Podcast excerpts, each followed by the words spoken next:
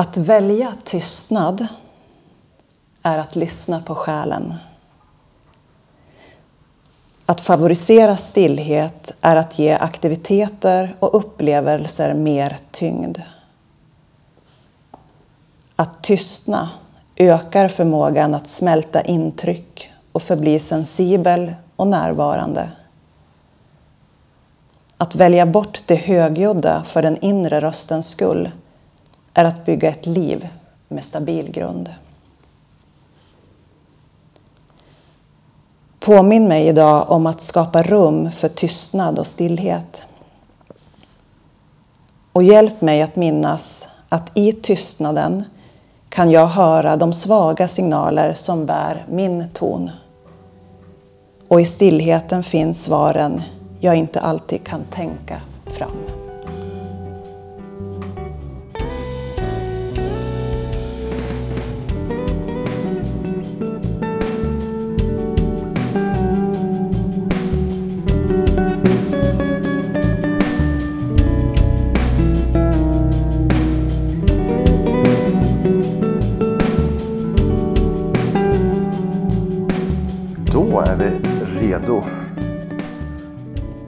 Den påslagen? Allt är påslaget nu.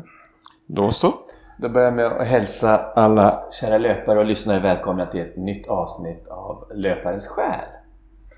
Och idag har vi med oss Åsa Landpers som är bland annat yogainstruktör och en massa annat.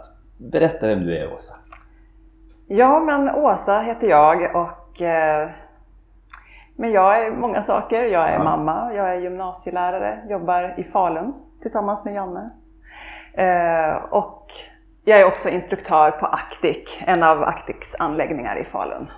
Och un eller undervisar, instruerar i yin-yoga just för tillfället. Ja, och där har vi precis varit på ett pass med dig ja. som var otroligt intressant och lärorikt och väldigt mycket frågor som väcktes.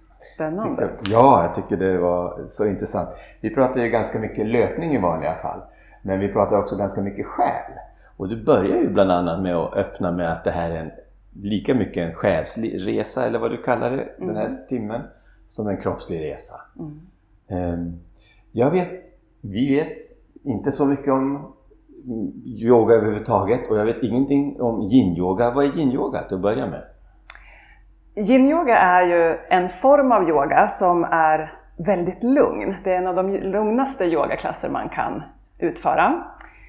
Eh, det finns inget flöde. När man tänker sig yoga ser man oftast någon som rör sig lite som en dans, eller jo, kan man tänka sig. Men eh, yin-yoga har inget flöde utan man sitter i positioner stilla eller ligger stilla i positioner. Och då kan man vara stilla från två minuter upp till tio minuter. Så eh, väldigt lugnt, väldigt meditativt kan det bli mm. när man gör det. Så det är en väldigt enkel klass att utföra också egentligen. Mm. Åtminstone till det yttre. Mm. Det här var ju första gången jag testade överhuvudtaget. Jag med. Ja, du också. Vad roligt. Mm. Eh, jag tycker det är verkligen kontrasternas hus. Man kommer nerifrån där alla liksom, maskiner, som det är ett gym nedanför. Eh, och så kommer man upp hit så är det liksom något helt annorlunda. Redan när man kom in i rummet så var det liksom tyst. Det är ju nästan eh, för att göra religiösa metaforer så är det en sån helighet här inne på något vis. Ehm, man, man sänker ljudnivån och man sköter sig själv och går in någonstans redan innan. Ja. Det var, jag förstår att folk kommer hit redan innan, ja. 10-15 minuter innan. Precis. Finns det, är det ingen klass före, då, jag brukar vara här i god tid, kanske 40 minuter före klassen börjar, lägga ut mattorna och då brukar folk komma 20 minuter, ibland en halvtimme i förväg och lägger sig ner, blundar mm. eller vad de nu gör. Så det brukar vara tyst här inne och så har jag lugn musik på och tända mm. ljus. Och... Mm. Vi har ju på något vis följt varandra. Nu är vi kollegor, men det är ganska kort tid jag har kollegor. Men vi har ju följt varandra på Instagram. Jag eh, följde dig och du sprang mycket förr i tiden. Ja. Sen så försvann du. Ja. Därifrån också. Eh, det var ju många år vi aldrig träffades, men vi visste om varandra. Ja, precis. Eh, men sen som sagt noterade jag att eh, löpningen eh, vart inte viktig eller den finns säkert kvar men vi ser ingenting av det utan vi har prioriterat bort saker. Mm. Vad hände där? Ja men det är ju kopplat faktiskt till det här med yin-yogan. Du och jag, vi möttes ju egentligen först med, med, med våra Instagram-konton. Eh, och jag hade ju ett träningskonto där jag la ut mycket träning, löpning, cykling, skidåkning och så vidare. Ehm, Men eh, livet bär ju med sig saker som medför förändring och eh, i mitt fall var det mm, att jag höll på att gå in i väggen, den klassiska. Inte på grund av jobb utan för, jag tror, mycket som hade hänt privat. Inte på grund av träningen. Nej, inte på grund av träningen. Ah, Nej. Så, utan träningen har varit mitt, eh, min go-to helt enkelt. Ni vet, behöver rensa huvudet, man kör ett eh, två timmars pass på cykeln och känner sig ju väldigt på hugget efteråt och glad och endorfinerna flödar och så vidare. Så det har varit mitt sätt att dämpa mig när jag har varit orolig, frustrerad, arg, vad det nu kan ha varit, olycklig. Um, och jag har också identifierat mig som träningsmänniska. Förutom liksom gymnasielärare så har det stora i mitt liv, förutom att vara mamma kanske också, eh, varit att jag har tränat och varit instruktör. Eh, Så jag har ju till och med haft ett Instagramkonto som har gått ut på att visa min träning. Du och bland väldigt många andra. Och väldigt många andra. Ja, men och det finns så mycket, mycket roligt där. Ja. Man kan få träffa, verkligen träffa folk. Eh, ju. Så, så jag, det är liksom en av grundgrejerna här, att jag har identifierat mig med min träning och med mitt instruerande. Det har alltid varit, ja men det är hon som tränar så mycket och oj vad duktig du är. Ja, har jag känt. Visst är jag. Eh, men, nu kommer männet. Ehm, 2017 då så mår jag inte bra. Och jag förstår inte ens att det är, alltså rent kroppsligt mår jag inte bra. Ehm, och då är det ju lätt att träna ännu mer för att jag vill ju må bra. Men jag, där. Hur kommer det till uttryck, det kroppsliga? Ja, det roliga är att jag förstår ju inte ens att jag inte mår bra. Utan jag ska till vårdcentralen och jag kommer inte ens ihåg vad det gällde. Men man tar ett blodtryck på mig. Eh, och så säger den här läkaren, ursäkta mig, men det här är ju jättehögt. Och han säger siffror som verkligen jag inte brukar ha. Jag kommer inte ens ihåg, men eh, mycket, mycket högre, både övertryck och undertryck än vad jag brukar ha. Och plötsligt trillar poletten ner. Jaha, man ska alltså inte må så här. Det är ju det här, jag känner ju av att jag inte, att jag har ett högt blodtryck. Och poletten som direkt trillar ner sen är att jag blir rädd. För då inser jag så här, oj, nu har jag gjort något så min kropp har reagerat. Och nummer ett, jag har inte ens fattat det. Eh, och nummer två är, jag inser att jag kommer ju inte bara kunna lägga mig tidigt en kväll och tro att mitt blodtryck ska sjunka. Något drastiskt. Eh, så där och då, ja det är de här klassiska två poletter som bara trillar ner att, men vad har jag gjort? Eller vad håller jag på med? Och jag vet ju, jag har ju, det har ju hänt saker i livet. Eh, och det är, ju inte, det är ju inte träningen i sig som kanske har gjort det här, det är ju andra saker. Eh, men helt plötsligt så insåg jag också att jag var trött. Jag var jätte, jättetrött. Jag var trött kroppsligt, jag var trött mentalt. Ehm, och när jag har varit hos, på det här läkarbesöket eh, och går hem sen, ja men då har jag den här rädslan kvar. Alltså, vad, men vad gör jag nu? Jag kan ju inte ut och kuta nu och tro att det här ska bli bra, för att jag är ju en vältränad människa. Det är ju inte det det hänger på. Det är inte därför jag har högt blodtryck eller att jag äter dåligt eller så. Så där börjar min resa. Och det roliga är att det här är, nej det här är faktiskt 2016 i oktober. Ehm, det, det kommer att fortsätta och inte förrän i mars 2017, det är då jag riktigt eh, hit, når botten. Liksom. Eh, för då, då har det gått så pass långt att jag inte i stort sett kan jobba. För då har det liksom, jag är så rörig i huvudet, jag har så hög puls, jag kan inte sova på nätterna, jag kan inte hålla en rak tanke. Ehm, så jag fortsätter att jobba. Jag gör ett litet avtal med min arbetsgivare om hur vi ska lösa min situation. Så jag jobbar och har mina lektioner, men all övrig tid är jag, får jag vara hemma.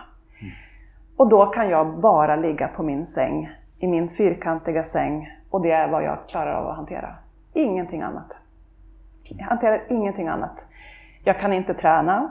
Jag kan nätt och jämnt liksom laga mat till barnen. Jag håller in, nästan inte ihop. Och jag är livrädd. Jag är livrädd i det läget. Eh, och känner så här, jag måste hitta ett verktyg. Ge mig någonting som kan dämpa det som är inuti. Jag måste få ner det här blodtrycket och de här röriga tankarna. Och då hittar jag en bok som heter Vila dig i form med yin-yoga av Magdalena McWeld som blir min räddning. Den blir min räddning. Innan du kommer dit, alltså din identitet och allting måste ha förändrats ganska rejält. Du hade träningskonto, du, liksom, du, mm. du blev någonting annat. Och ja. Vad hände där? Eller, har du reflekterat över det? Ja, oh ja, jag har reflekterat jättemycket. Det, har varit en, det var inte bara där och då, utan det här har varit en resa som har tagit många år. Mm. Mm. Eh, så att den biten har jag nog, den var inte viktig då. Utan det var bara så här att jag, jag förstod att ja, det här kan jag inte träna mig ur. Det, det, finns inte en löptur eller en skidtur eller en cykeltur som kan ta mig ur det här. Hur länge tror du att du hade hållit på att försöka göra så just? Innan du kom på att polletterna föll ner här som du pratade Tre år tror jag. Så hade liksom tränat och tränat och tränat Mm. och liksom förstod inte att det, det, det var bra? Ja, och säkert kanske längre också. Men jag, det finns en händelse där 2014 som ju påverkar det hela. Och då hade jag ju haft perioder när jag har tränat två hårda träningspass om dagen för den här rastlösheten kommer. Eh, och nu, då hittade jag yin-yogan som ju blir precis det motsatta. Eh, jag brukar säga så att dra i sin inre eh, handbroms. Jag behövde dra i handbromsen och den är ju en inre handbroms. Stopp nu! Så jag var där i sängen, jag hade min yogamatta och så läste jag på om den här yin-yogan som ju är att vara stilla och liksom stanna upp i det som är. Då går det inte att springa ifrån sin rastlöshet eller sina tankar, utan jag behöver möta dem. Så jag kan säga att jag har gråtit floder på den här. För när, när man släpper sina muskulära spänningar, som man gör i yin-yoga, man går in i en position och så mjuknar man, slappnar av. Då sänker man ju sin gard. Den inre garden som man ju håller uppe, som jag kan- kan upprätthålla också med ett löppass eller vad det nu kan vara. Det tvingas jag släppa i yin-yoga. Ja. Och då kommer det. För mig, och jag, jag har mött många deltagare också som har gråtit. Och, Jag tänkte på den här positionen fisken när du öppnar upp hela kroppen. Då är man väldigt sårbar kände jag. oerhört, oerhört. Mm. Som jag säger, hjärtat på toppen när man öppnar bröstet, bröstkorgen. Och, Ja, vi kan ju höra ett litet avsnitt om det när du pratar om det. Ja, Men det här du pratar om, eh, samtidigt är det lite klyschigt kan jag tycka. Jag är, jag är kritisk eh, och det är min uppgift. Eh, det här med att vi ska leva i nuet och allting. Alla pratar om det. Men, men eh, det där är klyschiga och jag säger inte att det här är klyschigt, det är poängen utan poängen men, men det, här är något djupare du uttryck för egentligen. Alltså leva i nuet, vad betyder det för någonting egentligen? ja. Mm. Jag tycker att det är kopplat till Ja, det, är, det är min egen upplevelse, men jag upplever ju att vi människor generellt i västvärlden, eller i Sverige eller så, vi lever ju mycket i, med våra telefoner. Eh, ungdomar jag träffar på gymnasiet idag har ju, de har svårt att sova, de behöver stimulans hela tiden, de blir oroliga om de måste lägga bort mobilen eller att vara, bara vara med sig själv. Så jag tänker att vara i nuet är ju att kunna vara med sig själv och sina egna tankar och sina egna känslor utan annan stimulans. Det tror jag är så himla viktigt för att många tror att leva i nuet är att ja, men då ska man leva verkligen. Alltså, och det Ja, betyder just det. upplevelser och, och, och, som man konsumerar. Eh, istället Exakt. för det du säger här, att stanna till och lyssna på dina egna tankar eller till och med töm dina tankar. Mm. Vilket vi är dåliga på att göra Mm. också. För det, det jag hörde du sa Åsa, det var att det gick inte att prestera sig ur en överprestation. Så. Precis. Eller hitta den där handbromsen hur man gör när man ska göra motsatsen mot en prestation. Ja. Och det här, ordet prestation är så intressant tycker jag. För i yin-yogan då brukar jag säga det till deltagarna, och det hörde ni också idag, att eh, eh, här, är, här ska vi inte prestera. Vi ska göra det helt det motsatta, för i all annan träning, eller överallt i livet, så ska vi prestera. Vi ska vara duktiga, det ska bli bättre. Ni ska springa längre, flera varv. Visst. Och det är flera som hört av oss till oss och sagt, kan inte ni ta upp det här om just prestationer? För att det, det, är liksom, det ligger som ett ok över axlarna på människor. Var Som du sa alldeles nyss, här, det är märkligt att vi ska behöva ta oss tid och kanske betala för en timme i yoga när vi liksom tar oss fri tid från prestationerna. Eller ledig tid från prestationerna. Det är synd att det ska behöva så stor omfattning. Ja, precis. Ehm, men å andra sidan kanske mm, vi, vi måste tvinga oss till det. Och jag, jag, jag, bara som en parentes, jag, jag träffade en man här på vägen ut och han sa det här har förändrat ditt liv, sa han. Känner att det här, det här behöver jag. Nu har jag hållit på ett år och känner att jag har fått en helt annan styrsel och riktning i mitt liv. Vad kan man förvänta sig? Alltså, vad, vad är det essensen? Vad gör och vad ger yogan dig? Ja, men då vill jag koppla det del, alltså delvis till det här med prestation. För att, eh, som jag sa tidigare, jag har identifierat mig med träning. Och jag tror att ni kan känna igen, ni är också träningsmänniskor. Ja, ja, visst. Jag är i identitetskris just nu så att jag förstår Ja. precis vad du pratar om för någonting. Det är intressant tycker jag. Ehm, För någonstans så hamnade ju jag, för då svarar jag också på din fråga som du ställde förut. Ehm, När det hade gått ett tag och jag hade mådde bättre och hade liksom kunnat, säkert hade jag bättre blodtryck och så vidare. Ehm, Så kom det ju också funderingar kring hur har jag levt mitt liv? För uppenbarligen har, funkar ju inte det så himla bra. Nej. Ehm, och då kommer ju frågan, vem är jag när jag inte tränar? För det blev min fråga eftersom jag identifierade mig totalt med träning. För jag insåg att ehm, jag kan nog inte träna på det här sättet och tro att det är hållbart. Det kan inte vara min go-to jämt när jag mår dåligt och är rastlös och vill rensa hjärnan. Det måste finnas något annat också som jag kan gå till. För en vacker dag så är jag skadad. Jag har varit jättemycket skadad. Överbelastningsskador främst. För mycket, för tungt, för ensidigt. Ehm, jag blir sjuk. En vanlig förkylning som tar en vecka och jag sitter och biter av mig armen i stort sett där hemma för att jag inte gör något. Mm. Och helt plötsligt när jag äntligen hade fått tag i den här inre handbromsen så inser jag ju det här är ju osunt. Det är ju osunt att vara förkyld en vecka och tycka att det är världens undergång. För det tyckte jag. Då la jag ut bilder på Instagram och bara så här stackars mig med ofrivillig vila och sådär.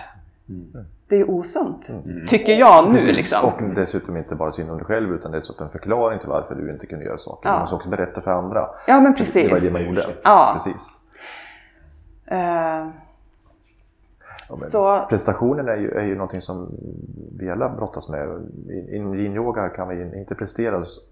Jag, jag känner inget prestationskrav alls faktiskt. Däremot tror jag att det var det mest kylskåp som fanns här inne och jag känner att jag har mycket att arbeta på. Eh, för er som lyssnar så kan ni se att vi har två stycken ganska eh, mjuka människor här och så sitter jag liksom upppallad på en stol för att jag, jag, är, jag får ont i hela kroppen när jag försöker sitta på knä bara. Men eh, jag märker samtidigt att det kanske inte är viktigt. Men innan jag gick hit så tittade jag på klockan också. Finns det någon yoga man kan ställa in på klockan så man kan som typ logga yogan? Jag ville bara kolla om det fanns det. Det fanns faktiskt inte, vilket förvånar mig. För det, finns, ja, det finns ju allt annat, men en Ja. dålig klocka jag har kanske. Det måste vi skaffa. Ja. Nej, ja, fast jag har inte, log, jag har inte loggat. Men jag såg det inte som prestation, utan snarare bara en tanke inför det här. Utan nej, och det var nästan skönt att det inte fanns, för annars hade jag nog tryckt på det dessutom. Ja. Går det inte att, prestera, att eh, skaffa sig prestation i yoga? Jag kan tänka mig att man kan bli väldigt mycket yogastyrd också. Eller Att man ägnar otroligt mycket tid åt yoga. Jag berättar för Janne att jag har en farbror eh, som efter sin pensionering började med yoga. Han kunde ägna sig åt, meditation kallar han det. Han kunde meditera åtta timmar om dagen. Just det, intressant. Ja. Ja, men det, jo, men det måste det ju. Det är klart att det kan bli så, tänker jag. Ja.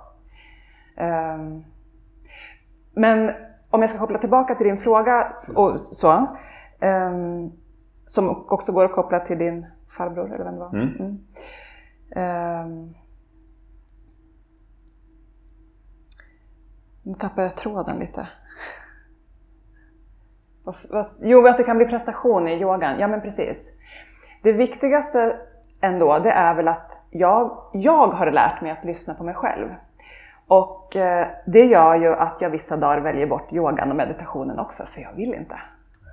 Och det är ingen katastrof. Det är inget du lägger ut på Insta. Nej, Nej. det är det inte. Ehm, Så det tycker jag är...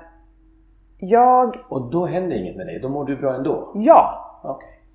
Och det som också har hänt under de här åren, men det, det har varit en, en lång process att komma till att vara mer tillåtande när det kommer till träningen också.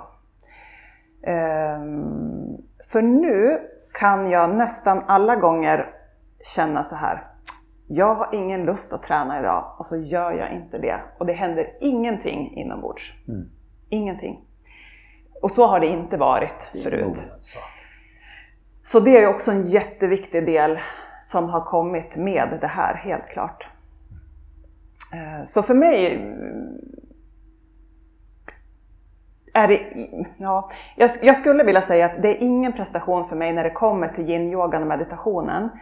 Det enda som kan hända är att om jag låter bli en hel vecka så kan jag tänka så här, mm, jag borde verkligen meditera. För jag vet också hur jag blir om jag inte gör det. Det krävs ju kontinuitet för att behålla det här lugnet inombords.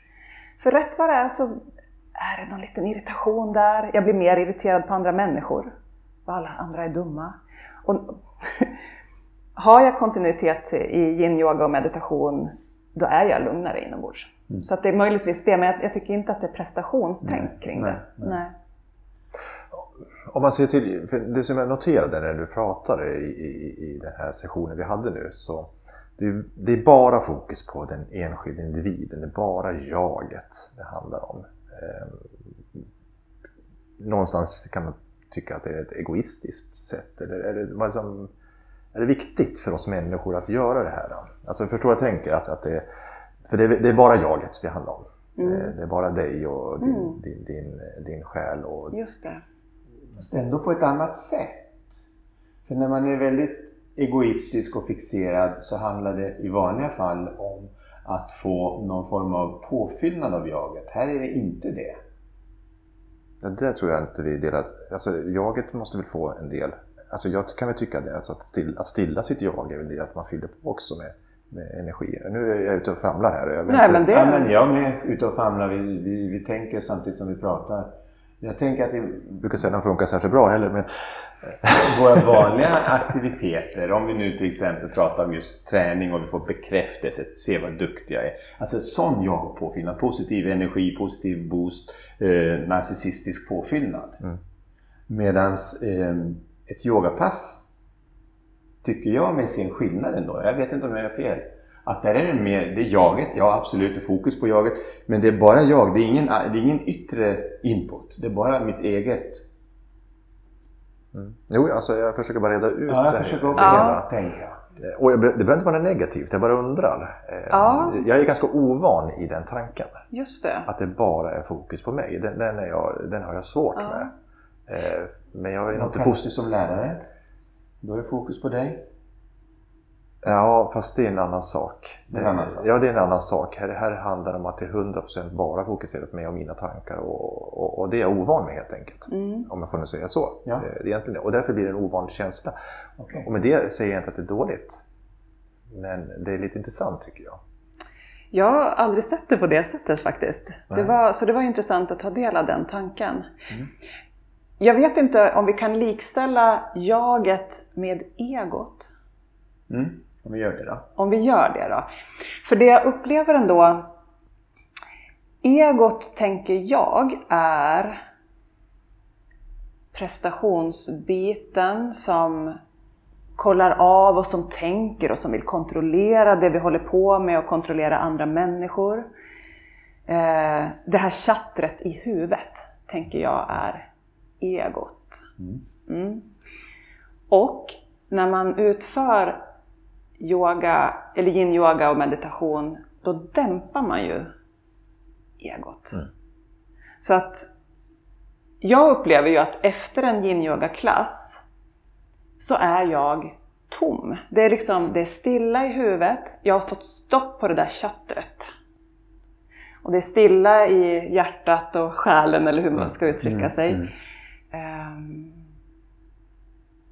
Så jag tänker, kan det vara så att vägen... Det du noterade nu att jag pratar mycket om ja, du och ditt, det du upplever. Mm. Nej, alltså, jag, som sagt, jag, jag tänker att jag tror att det kan vara väldigt viktigt för väldigt många att kunna just stanna i livet eh, Mm. och just göra den här Mm. soul searching eller alltså själsutforskandet, vilket faktiskt Yes. det handlar om jag förstår Ja. också. Eh, Så att jag säger inte att det är fel, eh, det är bara ovant. Ja. I en värld som eh, är ja, främst kanske egofixerad Mm. i hög grad. Eh, Det här är ett annat, det kanske är ett jag vi pratar om. Eh, Mm. Men också just i mitt fall så, så är jag ovan att tänka bara på mig själv. Ja. Eh, Men det kanske är nyttigt. Janne och jag, förlåt om jag... ja. Janne och jag, vi är sällan överens. För jag tänker så här att, vad är ultralöpning om inte samma sak? Det är också jaget, fokuserandet inåt. Det är också försöka hitta lugnet, harmonin eh, när man springer länge. Eh, Jag tänkte precis på det. När jag låg här nu så kom jag in i ett tillstånd som jag ville kalla jag vet inte vad det kallas, men jag var inte vaken men inte sovandes heller. Och den, den känslan kände jag igen från ultralöpningen. När man är så pass avslappnad eller introvert eller vad man ska kalla det för något. Så att jag vet inte riktigt om jag är vaken eller inte. Jag hann nog drömma en dröm eller två. Men, men jag var fullt med vad som hände runt omkring. Och, och jag, jag ser beröringspunkten är mellan jo, meditation kanske och löpning där. Jag vet inte om du inte håller med? Alltså där har inte satts ord på samma sätt som du gjorde. Det var därför, Nej, det var det var därför jag reagerade på Mm. det faktiskt. Ehm, så det är möjligt, även fast jag tycker inte riktigt håller. Ehm, men, men jag får nog fundera mer Förmodligen på det. inte. Nej. men, men, men åter till din upplevelse här. Alltså, är det, är det eh, fullständigt medvetande samtidigt som man... Eh, handlar det om sånt också i yin-yoga på något vis? Att medvetandet fast eh, man tar in världen fast ändå på något vis tömmer hjärnan? Jag vet inte. Ja, kan man säga så kanske? Ja.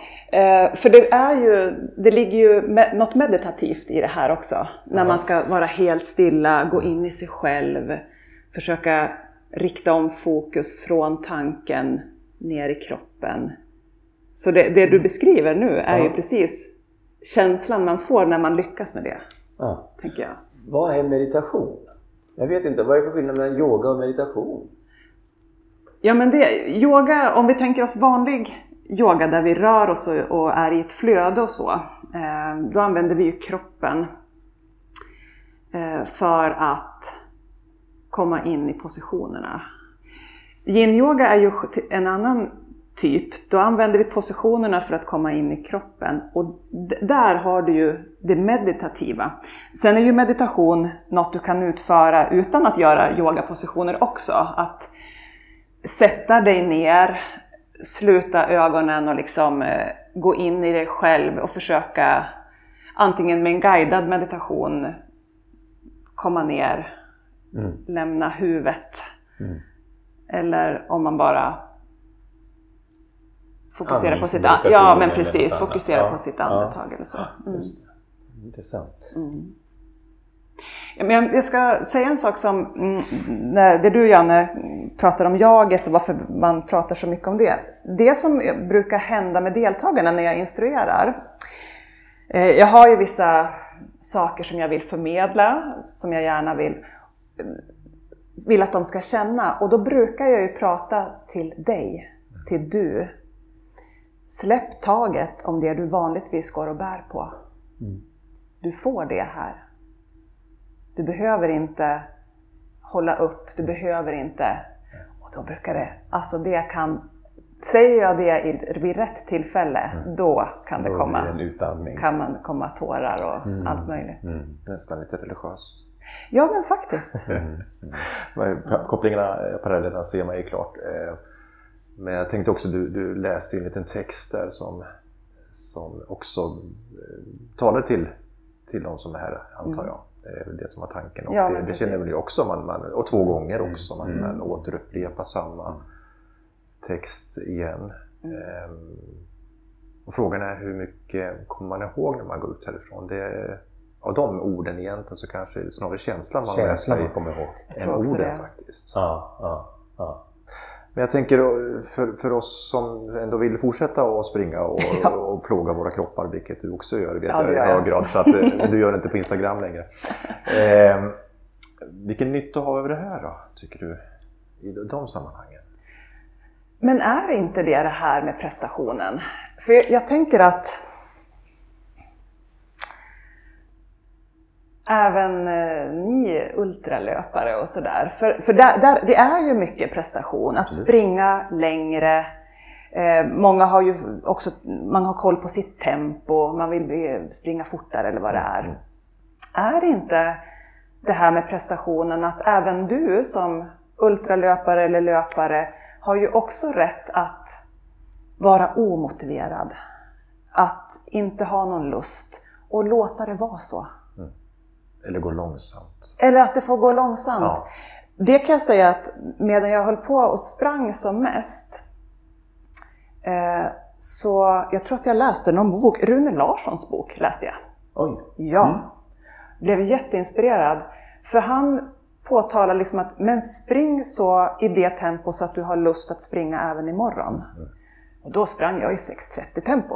Och det var jättehärligt. Det var jätteskönt. alltså när jag tillät mig det eh, och sket i, ursäkta språket, eh, att människor när jag springer förbi nu, nu ser ju de att jag springer så här långsamt. Och då struntar jag i det. Det var helt underbart. Du får också springa i 6.30 Ja, ja. Janne. Jag Han har har inte kommit dit än. Nej, jag har ju har. plågat mig idag på några mil eh, innan det här passet. Det var ganska dumt också upptäckte jag. Ehm, och det gjorde ont, det var jobbigt och jag visste att jag skulle kunna ta genare väg hem men jag gjorde det inte för att jag skulle plåga mig för att det var Mm. karaktärsdanande Ja. och allt det andra och jag måste börja få upp lite volym och allting, det är mycket måsten. Ja, just det. Och, och därför så tycker jag det här samtalet är intressant för att jag, jag, och jag, jag genomförde min plan. Sen var jag helt off på eftermiddagen kan jag säga. Och tänkte hur ska jag orka med det här? Det var tur jag kom hit. Jag behövde, jag behövde lite påfyllnad. Eh, men det är så vi funkar så många gånger.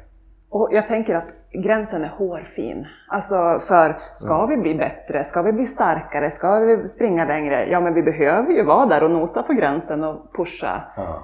Det är ju så. Men just det här att det finns den här tillåtande sidan också att du behöver inte springa idag. Eller tillåta sig själv också. Det var ett dåligt pass och det gick inget bra och allting. Och, och det är fine. Ja. Men den gränsen är hårfin för att var går gränsen mot att helt bli omotiverad? Jag behöver inte springa idag, men jag behöver inte springa imorgon heller. Jag behöver inte springa någon gång.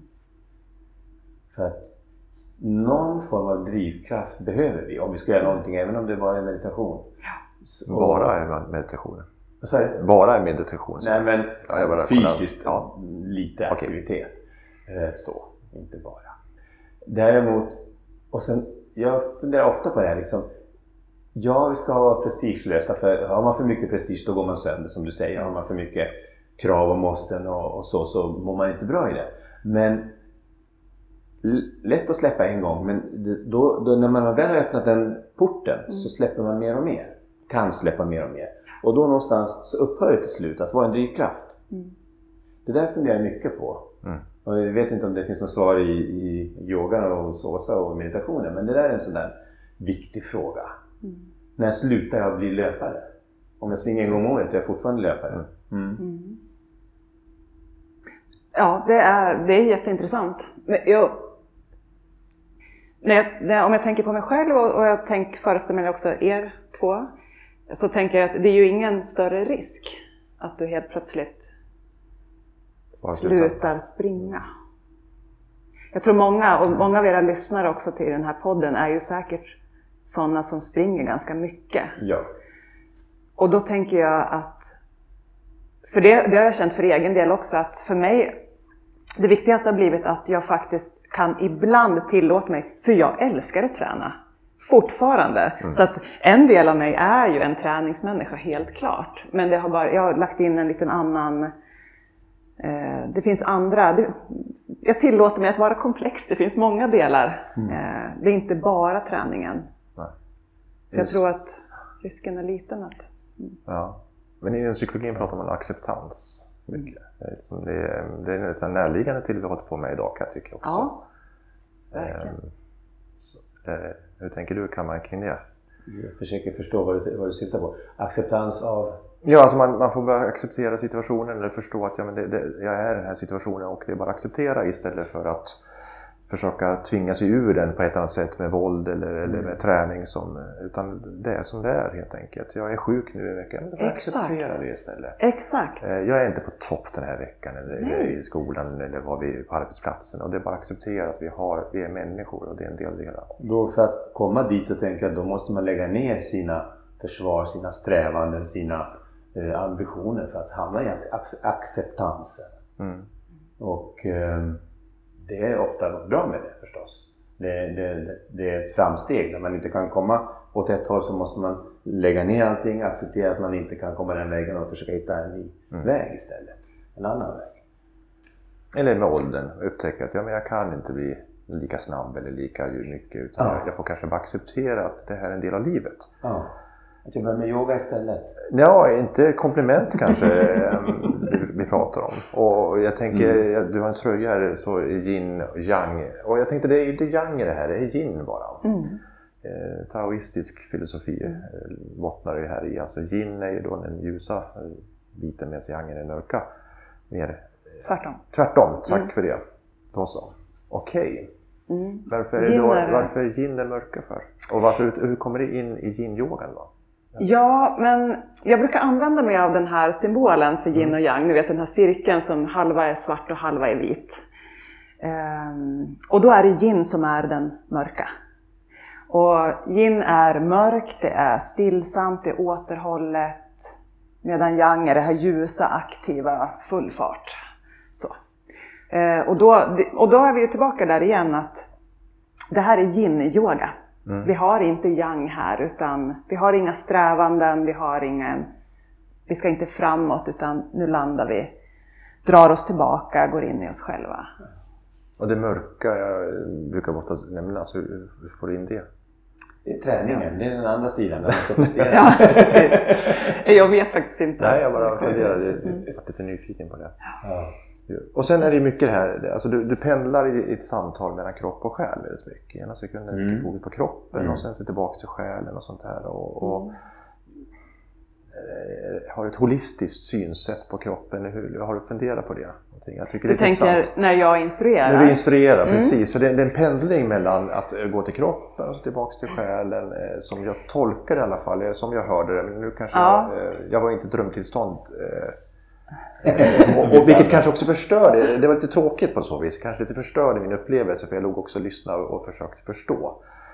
Och inte, bara, och inte bara slappna av. Samtidigt hade jag inte tusen tankar. Det var väldigt, väldigt skönt för i huvudet tyckte jag också. Men, men det med kropp och själ. eh, Men det, det händer ju saker i kroppen eh, som jag gärna vill lära ut också.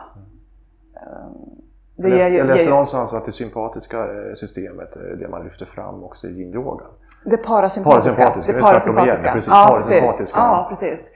Ehm, för det är det vi vill aktivera. Vi vill få kroppen att gå ner i lugn och ro och inte aktivera det sympatiska som sätter på eh, så vi vill dämpa, få ner kortisolet till exempel och, och så vidare. Så jag pratar gärna om det för deltagarna är olika här. De behöver olika saker, så en del är ju inte så inne på det här med själen och så.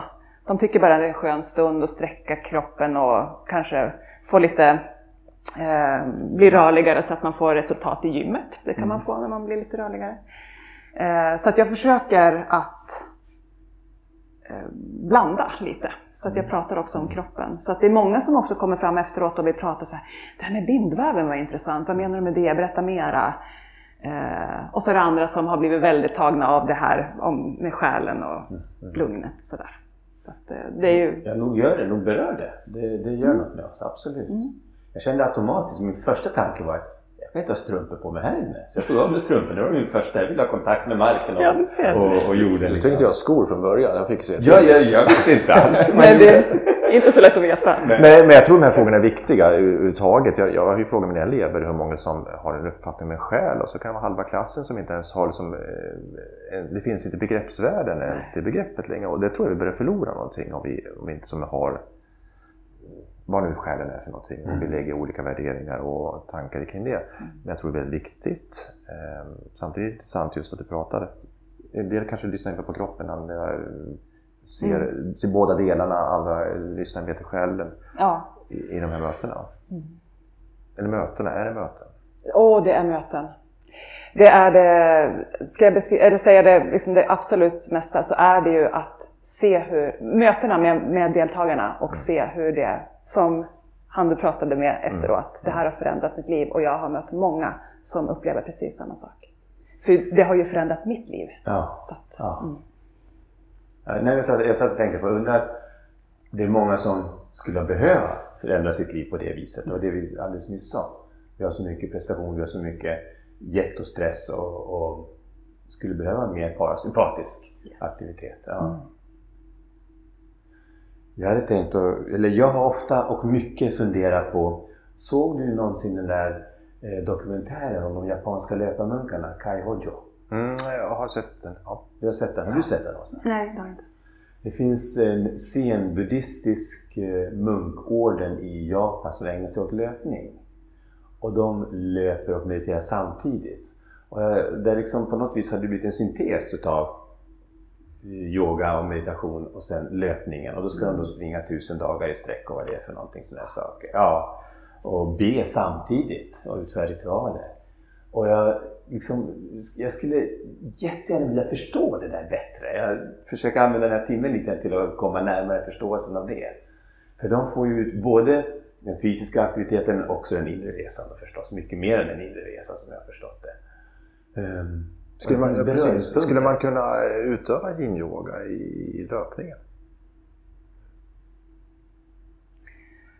Det skulle i så fall vara det här eh, mjuk, mjuka i kroppen, att eh, någonstans släppa taget och vara mjuk och inte så, ha så hård, hög gard och sänka lite. Det är kanske mer en, en inre hållning så att säga. Ja, men det jag. tror jag är någonting på spåren för att jag kämpar hela tiden här under, under eh, sessionen när du påminner oss om att slappna av så upptäcker jag men jag ligger och spänner mig. Eh, och så, just det, men benet ska ju slappnas av och så känner man, åh vad skönt det var. Eh, och det vet vi om att vi spänner oss sjukt mycket i löpning. Och det är Ja. axlar som är spända, vi höjer Ja. dem och, och vi, Ja. vi har rörelse. Samtidigt kan vi inte springa som en säck potatis för då får vi ingen luft i och för sig. Men, men vi kan göra det på ett avslappnat sätt Ja. givetvis också. Och, och det, där, där tror Men, jag finns men det där vore väldigt intressant om man kunde använda meditation samtidigt som man löpte. Det är lite det jag tycker de här munkarna lyckas med. Hur sjutton vi skulle kunna få in det i löpningen. För att det skulle vara så mycket. Vi pratade i förra avsnittet om leda, att vi har långtråkigt när vi springer länge.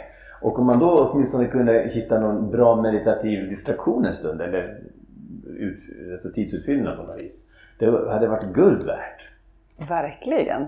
Det. Ja, eller just en, en, en, stark närvaro av där man är Ja. och det man Ja, gör. Och, och där är vi också duktiga på att trycka in lurarörerna och allting och, och trycka och lyssna på någon podd Ja, eller, ja. eller lyssna på musik och, och döva och sinnesintrycken Ja. försvinner. Jag hörde till och med om, det finns en, en jag hörde talas om en löpare som han springer jämt och tittar på Youtube och liknande när han springer.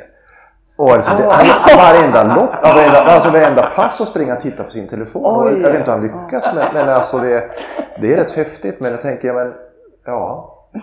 Eh, och det är långa sträckor i skogen också. Spring och titta på telefon. Jag ska skämmas och erkänna att jag har haft funderingar i de banorna också. Jag har tittat av, med avund på de här kartställena som orienterarna har haft och jag tänkte att jag skulle skaffa en sån och kunna ha mobilen där. Du får, du får nog fortsätta den här kursen och gå här på Vi får nog gå mera på yoga. Jag tror hellre vi ska utveckla den här idén om hur vi kan meditera och ha yin-yoga än ett ställ för mobilen Ja, som vi kan titta på Youtube.